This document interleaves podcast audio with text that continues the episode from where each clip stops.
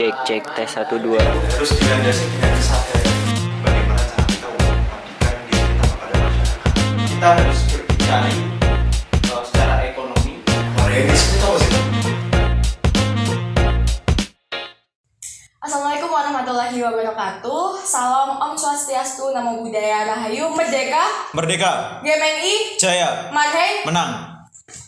Halo Bung Dansa semuanya Kembali lagi di Zona Merah Saat ini kita akan bahas perihal sejarah GMNI dan ke GMNI-an yang pastinya kita akan ngobrol-ngobrol juga sama narasumber yang luar biasa nih Dari Kepala Bidang Ketua bidang ya. Oh ya, maaf dari Ketua Bidang DPK GMNI Fapen UB. Ada Bung Hanif. Halo Bung Hanif. Halo Sestiva. Gimana nih kabarnya Bung Hanif? Iya, alhamdulillah ya Ses baik-baik aja. Kalau Sestiva sendiri gimana nih? Alhamdulillah baik. Iya. Nah, eh, Bung Hanif untuk kesibukannya lagi apa nih? Ya kalau kesibukan dari aku sendiri ya pribadi ini kan eh, semester 6 memasuki semester 7 di mana mungkin setelah UAS ini ya, setelah UAS ini kegiatan mahasiswa dihadapkan kegiatan liburan seperti itu Ses. Jadi ya kita menikmati liburan lah sambil eh, melakukan kegiatan yang positif gitu. Tentunya ber-GMNI dong. Oke. Gitu. Berarti urusan akademik lagi agak luang ya. Iya, Ses, benar. Sangat luang sekali. Nah, jadi Bung Hanif kita di sini di zona merah nih bakal bahas sejarah GMNI sama ke GMNI-an. Iya, Ses. Nah, jadi nih Bung Hanif, eh, aku mau tanya. Sebenarnya sejarah awal terbentuknya GMNI itu gimana sih? Iya, jadi sejarah awal itu dimulai pada tahun 1953 ya. Kalau 1953 berarti udah lama banget ya, Ses. Udah lama Kalau banget. umur Sestiva hari ini berapa sih umurnya? Saya berapa? Dua satu. 21. Oh, lebih tua saya, Ses. Saya 22 tahun ini. Jadi 1953 itu eh, saat itu GMNI masih belum bernama GMNI ya. Jadi masih terdiri dari tiga organisasi besar. Organisasi mahasiswa yang pertama ada Gerakan Mahasiswa Marhenis Indonesia yang berpusat di Yogyakarta, kemudian juga ada Gerakan Mahasiswa Merdeka yang berpusat di Surabaya, kemudian juga ada Gerakan Mahasiswa Demokrat Indonesia dan berpusatnya itu di Jakarta Ses. Nah, kan tadi eh, Bung Hanif bilang katanya GMNI itu peleburan dari tiga organisasi, tiga eh, gerakan mahasiswa Marhenis, Kemudian eh, Gerakan, mahasiswa Merdeka, sama gerakan mahasiswa Demokrat Indonesia. Indonesia. Iya. Nah, dari ketiga organisasi tersebut tuh, kenapa sih kok mereka eh, bisa mau bersatu? Terus ada tujuan apa, Apa, nih? Nah, iya. terus tadi kan tiga ya, Bung. Iya. Nah, sebenarnya apa sih yang membedakan dari tiga organisasi ini? Jadi eh, ketiga orga- organisasi tersebut itu sebenarnya eh, tidak terlalu berbeda ya, karena memang saat itu terpolarisasi hanya pada eh, pusatnya. Akan tetapi asasnya itu sama. Nah, asas ini yang kemudian mendorong ketiga organisasi ini untuk berfusi atau melebur meleburkan diri menjadi eh, GMNI. Nah, jadi awalnya saat itu eh, sedikit eh, singkat ya sejarahnya. Oh iya, awalnya saat itu di mana eh, terjadi kongres pada Gerakan Mahasiswa Demokrat Indonesia pada tahun 1953 tepatnya bulan September yang di mana kepengurusan lama yaitu Dr. Andes Syarif ya yang Itu dari organisasi? Iya GMDI tadi Oh. Gerakan Mahasiswa Demokrat Indonesia. Nah kemudian ber- berganti ke, ke kepengurusannya SM Hadi Prabowo. Nah di mana dalam hasil kongres itu ada sebuah muatan atau keinginan untuk menyatukan diri atau melebur tadi dan dengan berlandaskan asas yang sama yaitu ajaran Marhenisme atau ajarannya Bung Karno gitu. Nah Nah, tadi kan eh, pada tahun 1950 53 53 dulu nah, ada kongres itu ada kongres eh, terus dibentuk tahun 1954. Tepatnya Nah. tanggal berapa, Bung? Jadi setelah enam bulan eh, pasca kongres, maka tepatnya pada tanggal 23 Maret tahun 1954 di situ GMNI lahir sebagai organisasi yang sudah eh, melebur menjadi satu. Yang dinamakan Gerakan Mahasiswa Nasional Indonesia gitu ses Tuh, berarti terbentuknya itu tanggal 23 Betul. Maret 1954. Nah, kan dari awal terbentuknya GMNI ya, Bung. Pastinya Iya. perjuangan-perjuangannya itu juga banyak banget. Nah, eh, berarti dari GMN GMNI ini kan terbentuk pada zaman pada masa Orde Lama ya. Benar. Nah, mungkin bisa dijelaskan Bung dari perjuangannya itu dari pas waktu Orde Lama, Orde Iya, Lama, Orde Lama. Orde Baru, Reformasi. Mm, jadi eh, bicara GMN itu kan tidak terlepas dari sejarah. Iya. Jadi GMNI itu merupakan wadah untuk mencetak eh, kader-kader bangsa yang tentunya sampai hari ini eh, GMNI terus eh, memiliki sebuah apa namanya dampak ke- kepada eh, peradaban bangsa Indonesia ini. Jadi dengan lahirnya tahun 1954 saat itu, berarti era Orde Lama, di mana GMNI merupakan organisasi eh, kemahasiswaan yang di mana pergerakannya saat itu agak eh, apa namanya ibaratnya terhantam ya eh, dengan terbenturnya isu Gestok atau gerakan 1 Oktober. Di mana kemudian eh, front nasionalis ini yang kemudian eh, terjadi eh, dinamika politik di tataran eh, pusat yang kemudian mengakibatkan adanya eh, sebuah eh, perpecahan di sana. Yang akhirnya eh, pada tahun-tahun 1960-an itu hingga 1970 itu eh, GMNI sendiri itu posisinya tidak diuntungkan. Eh, dan kemudian juga diiringi lengsernya Presiden Soekarno saat itu. Berganti Nah bergantilah dengan eh, Presiden Soeharto. Presiden Soeharto atau atau dinamakan dengan eh, Orba atau Orde Baru. Orde Baru. Nah gitu ses. Nah, eh tadi kan udah dijelasin nih perihal di waktu perjuangan GMNI di Orde Lama. Nah, eh itu mengalami kemunduran karena eh bukan kemunduran ya mungkin kurang maksud. Ya kelumpuhan lah lebih tepatnya. Oke. kelumpuhan untuk bergerak. Eh, apalagi waktu itu perpindahan eh dari Soekarno ke Soeharto. Soeharto. Nah, ya. terus eh, ketika Orde Baru kan otomatis dari Orde Lama ke Orde Baru dong. Iya. Perjuangan GMNI di Orde Baru itu seperti apa, Bung? Nah, eh, di Orde Baru ini perjuangan GM ini sangat penuh tantangan ya. Kalau bicara Orde Baru ini agak sentimen juga. Oke. Akan tetapi memang eh, sebenarnya bukan kemudian GMNI mati ataupun tidak ada.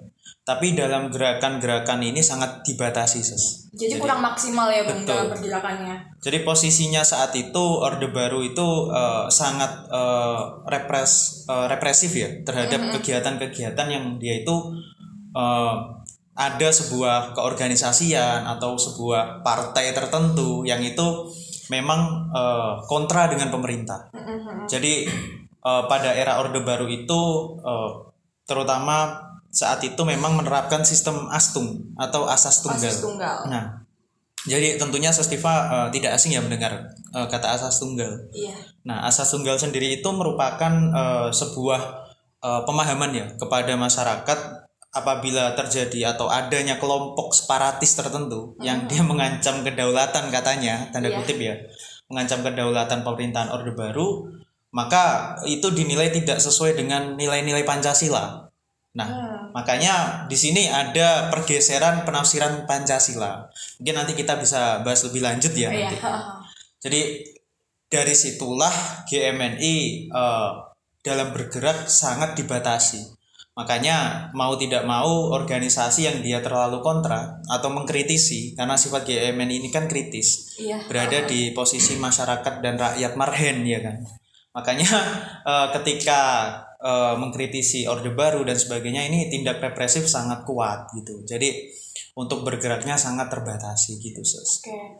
Di zaman Orde Baru itu emang kurang maksimal ya pergerakan dari GMNI. Tapi eh, pada tahun 1998 itu kan Iya. mungkin eh, sudah lebih gampang untuk bergerak lebih apa ya lebih leluasa mungkin. Nah itu seperti apa bung? Ketika Iya. Hampir eh, di ujung orde baru Or- orde baru itu. Iya. Jadi eh, sebenarnya apakah kemudian di penghujung berakhirnya Orde Baru eh, ke- apa namanya tindakan-tindakan atau perjuangan GMNI ini tidak ada? Sebenarnya tidak, bukan. Malah semakin kuat seperti itu. Dia memperkuat diri. Makanya pada zaman Orba saat itu memang kongres-kongres besar yang diselenggarakan GMNI ini memang eh, selalu berpindah-pindah. Akan tetapi dalam poin kongresnya adalah konsolidasi nasional kalau Sestiva tahu. Hmm, iya ya. Jadi memperkuat eh, apa namanya gerakan. Jadi eh, menyatu padukan gerakan tadi yang di mana eh, masyarakat sudah mengalami keresahan. Yaitu saat itu memang maraknya sistem KKN, kemudian adanya krismon atau krisis moneter, dan kemudian juga tak lupa saat itu memang adanya wacana eh, sosok tunggal yang kemudian eh, tetap menjadi eh, apa kepala negara dan lamanya tidak main-main ses ya kan Iya. 32 tahun 32. nah di mana di situ puncaknya gerakan eh, mahasiswa dan juga masyarakat melebur menjadi satu hingga puncaknya tahun 98 yaitu era reformasi mulai lahir seperti itu Iya di zaman Orde Baru itu kan pastinya banyak banget marhen marhen marhen yang Iya. emang em, tertindas banget betul dari yang kasus banyaknya kasus KKN segala macam Iya. itu pasti juga apa ya eh, bikin pergerakan dari Gemini sendiri tuh lebih enak gitu iya lebih bergerak. menguat lah Heeh. seperti itu jadi eh, dalam bergeraknya mereka lebih kritis ya Iya. kan Nah, kan tadi kita udah ngomongin perjuangan nih, Bung. Nah, terus tadi eh, kita udah bahas apa ya? GMNI itu organisasi pergerakan, perjuangan. Iya. Nah, sebenarnya makna gerakan dalam GMNI itu sendiri itu apa sih, Bung? Ya jadi gerakan itu kan berasal dari kata movement dalam Iya. bahasa Inggris. Kemudian juga eh, ada nilai mahasiswa di dalam gerakan mahasiswa nasional Indonesia. Kalau bisa disatukan menjadi student movement atau iya gerakan mahasiswa atau gerakan pelajar. Artinya apa? Dalam bergerak GMNI itu harus dilandasi dengan kesadaran. Bukan kemudian gerakan yang asal-asalan. Jadi gerakan kesadaran ini tertuang bahwa eh, adanya keresahan masyarakat atas sistem kemelaratan, sistem penindasan, baik itu kapitalisme, kolonialisme, imperialisme di bangsa ini belum terhapuskan.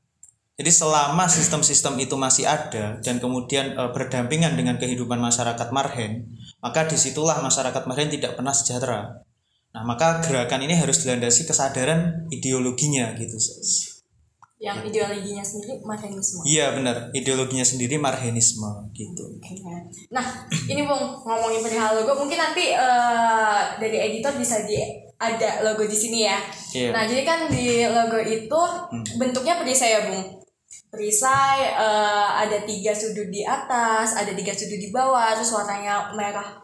Ada merah samping Merah kanan sama kiri. putih ya. Heeh, putihnya di tengah, Iya. terus ada simbol bintang, ada sim, ada kepala banteng Banteng juga, juga, di situ. iya. Mungkin bisa dijelasin nih Bung dari eh, kenapa bentuk simbolnya itu tuh eh, ada tiga Sudut, Sudut di di atas, atas dan sama di di bawah. bawah. Iya.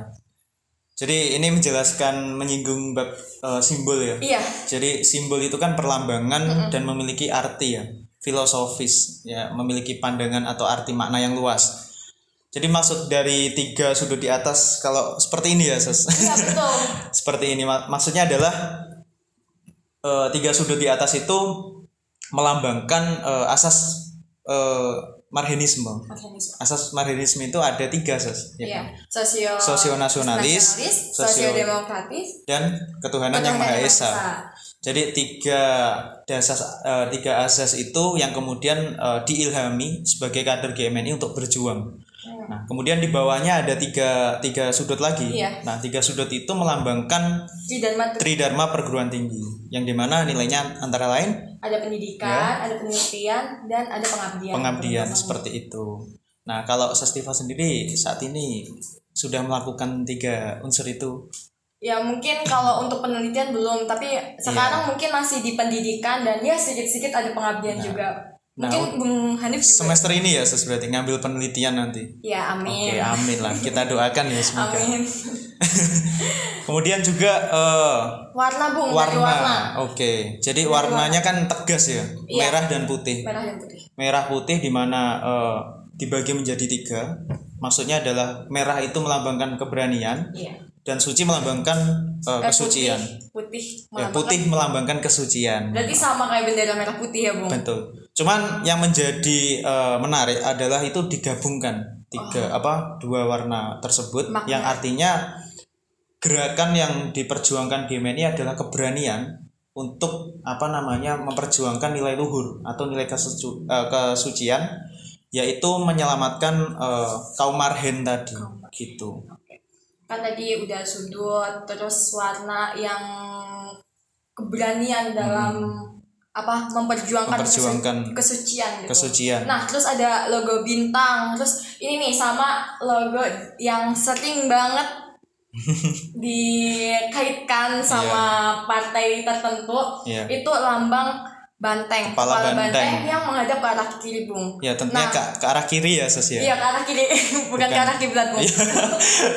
Jadi maksudnya itu apa? Iya, Jadi maksudnya itu apa sih? Lambang bintang di situ itu mempertegas bahwa cita-cita luhur GMNI untuk memperjuangkan kemudian eh, dia memiliki cita-cita mewujudkan kesejahteraan Indonesia.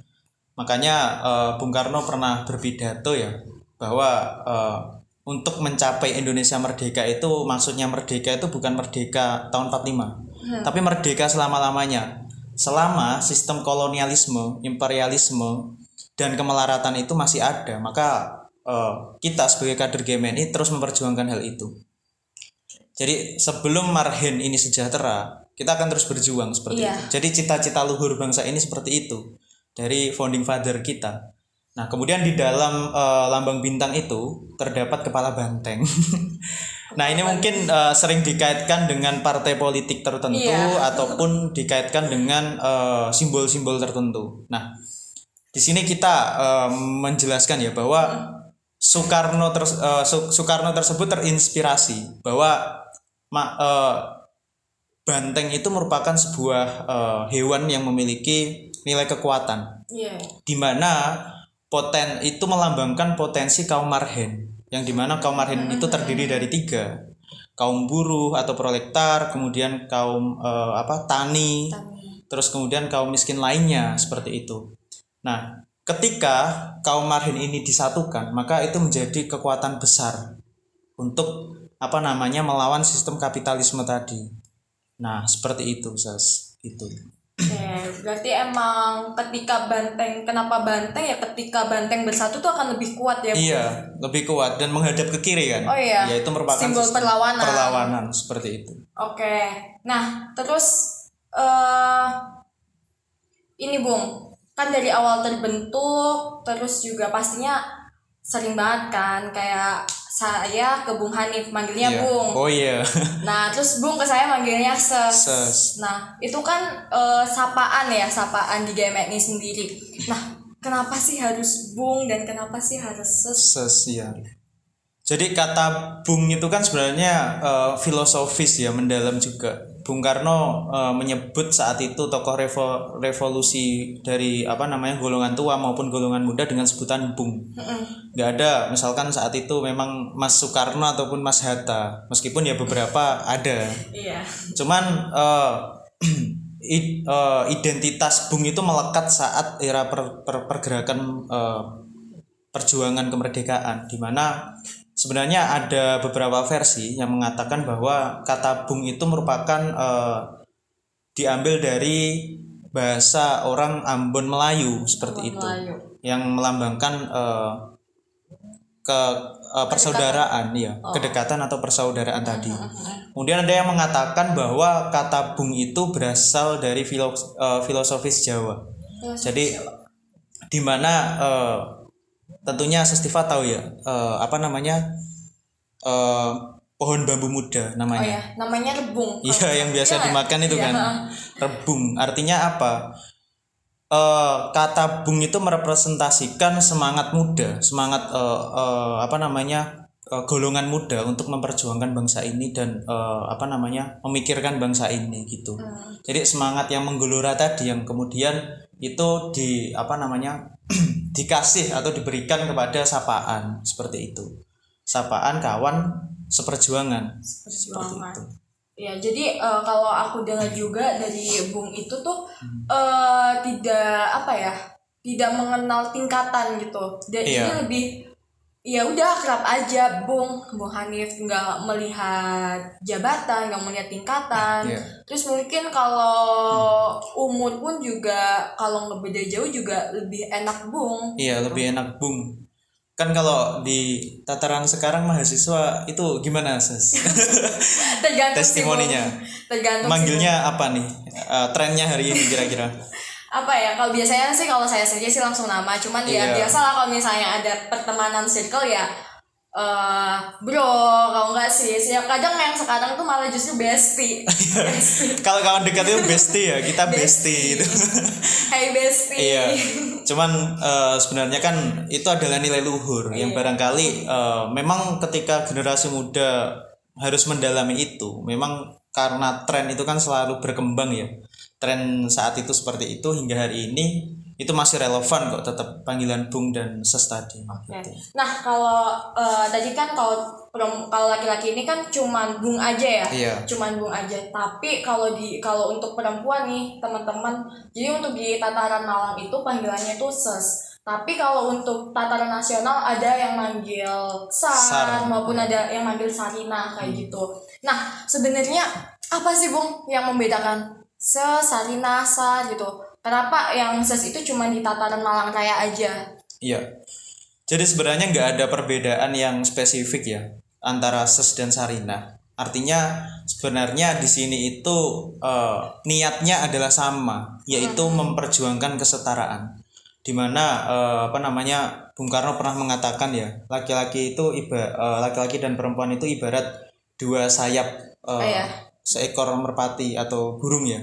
Yang di mana ketika salah satu sayap patah maka burung itu tidak bisa terbang. Seperti itu. Jadi fungsi laki-laki dan perempuan dalam perjuangan kemerdekaan ini harus disamakan. Harus sama. adanya Harus kesetaraan setara. tadi. Mm. nah jadi eh, ses sendiri itu identik dengan bahasa Belanda. Jadi ses atau zes ya.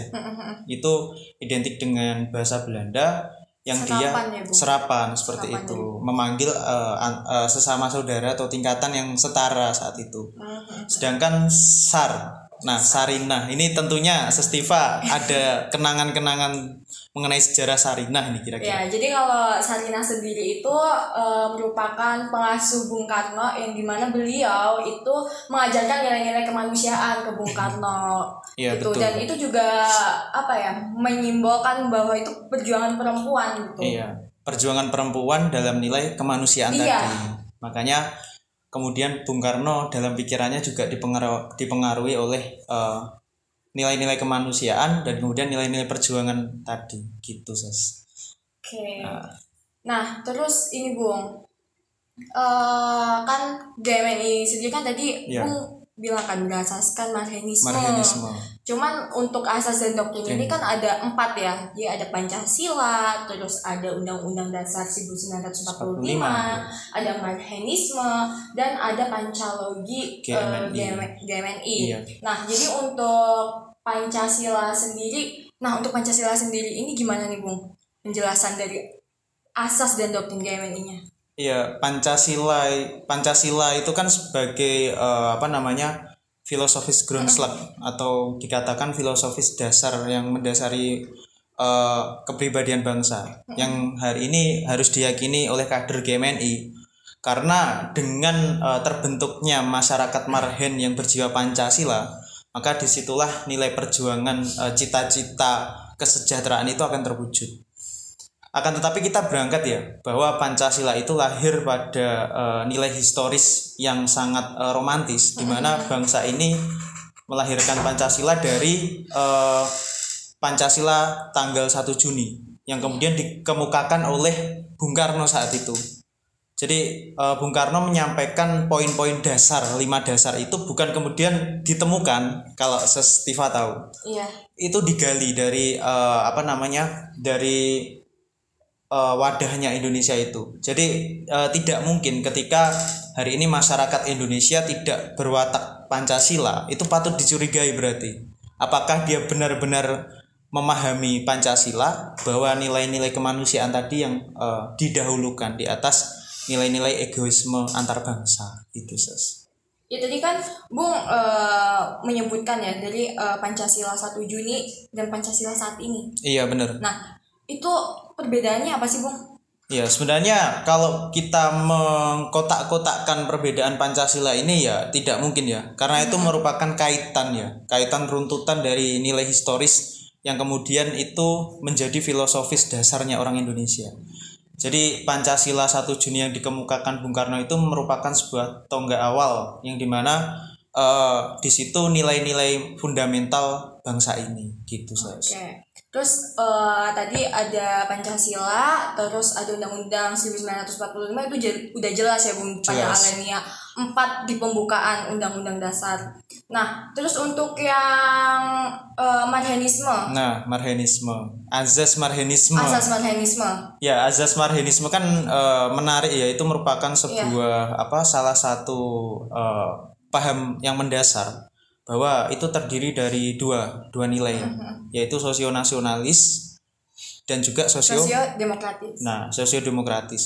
Bahwa maksudnya adalah sosionasionalisme itu adalah nasionalisme yang ber, ber- berwatakkan eh, nilai sosial. Nasionalisme yang dia merepresentasikan kesejahteraan masyarakat marhen yang mencari keselamatan, bukan nasionalisme yang kemudian menindas antar bangsa. Iya. Ya, itu poin utama nasionalisme Nasionalisme. yang diilhami oleh kader GMNI gitu.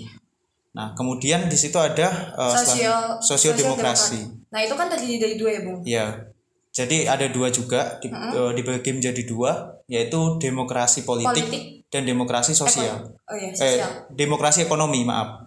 Nah, jadi demokrasi politik itu eh, artinya bahwa eh, masyarakat atau kaum marhen ini harus memiliki kekuatan eh, political will, Hmm, di mana untuk me- apa namanya mencapai eh, kesejahteraan masyarakat marhen untuk melawan sistem kolonialisme, imperialisme dan juga kapitalisme, mereka harus apa namanya bersatu dengan eh, gerakan yang dinamakan masa aksi. Maka dari situ eh, kesejahteraan bisa tercapai dengan eh, apa namanya keinginan yang kuat dari masyarakat marhen untuk merdeka. Nah, kemudian juga ada apa lagi tadi De- demokrasi ekonomi, demokrasi ekonomi. sosio sosio ekonomi ya, demokrasi kerakyatan. Jadi eh, ekonomi kerakyatan yang dibangun itu merupakan cita-cita Bung Karno dari dulu bahwa kita harus berdikari eh, secara ekonomi dan tadi ya berdaulat secara politik. Nah, jadi berdikari secara ekonomi itu kita eh, selalu apa namanya ingin bangsa ini memiliki sebuah nilai kemandirian. Oke. Nah, nilai kemandirian itu dibentuk dari mana? Dari kesadaran kelas. Oh, Nah, kelas si kaya, kemudian Kelas si miskin. Bukan menghapus kelas ya, tapi kesadaran kelas. Jadi kemudian di situlah puncak eh, di mana masyarakat marhin ini bisa hidup dan sejahtera. Jadi puncaknya itu nantinya adalah eh, tidak ada sistem penindasan antar kelas, Oke. tapi di situ adalah sistem keadilan yang dibuat seperti itu. Oke.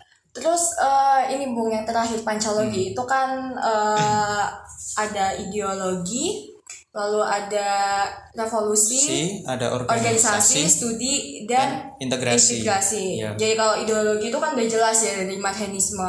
Betul. Marxisme. Terus eh, periode revolusi ya kita tahu lah revolusi itu eh, tentang pergerakan, Iya. tentang perubahan. Perubahan sistem ya. perubahan sistem. Nah, terus untuk organisasi ya kita udah tahu juga kalau eh, organisasi itu sebagai wadah kader Ya. Untuk eh, dalam berjuang Iya. dan kemudian wadah kader dalam eh, mengenyam pendidikan seperti itu ya lalu untuk studi, studi ya udah jelas lah bagaimana bahwa tanggung jawab seorang kader gitu ya Sas. bicara tanggung jawab studi Iya. gitu terus tentang integrasi. Nah, kalau integrasi ini eh, kalau dari saya sih melihatnya kader itu harus merasa di tengah-tengah rakyat, teman-teman. Jadi harus merasakan eh, rakyat itu gimana sih kayak Iya. gitu. Itu benar nggak sih, Bung? ya dari kelima poin yang disebutkan eh, Sestiva tadi benar ya ideologi artinya tegas bahwa ideologi GMNI adalah marhenisme Iya. karena dalam berorganisasi kita butuh yang namanya tujuan Setuju. karena adanya tujuan kita harus punya fondasi dasar yaitu ideologi tadi pandangan hidup nah kemudian setelah ideologi ada yang namanya revolusi. Nah, revolusi itu tujuannya adalah untuk merubah sistem pemerintahan ataupun politik ataupun sosial. Sistem apa? Ya sistem penindasan. Bukan kemudian menciptakan sistem baru ya. nah, ini yang patut eh, dicurigai karena hari ini kan eh, terkenal dengan itu ya, apa namanya pergantian sistem dan sebagainya.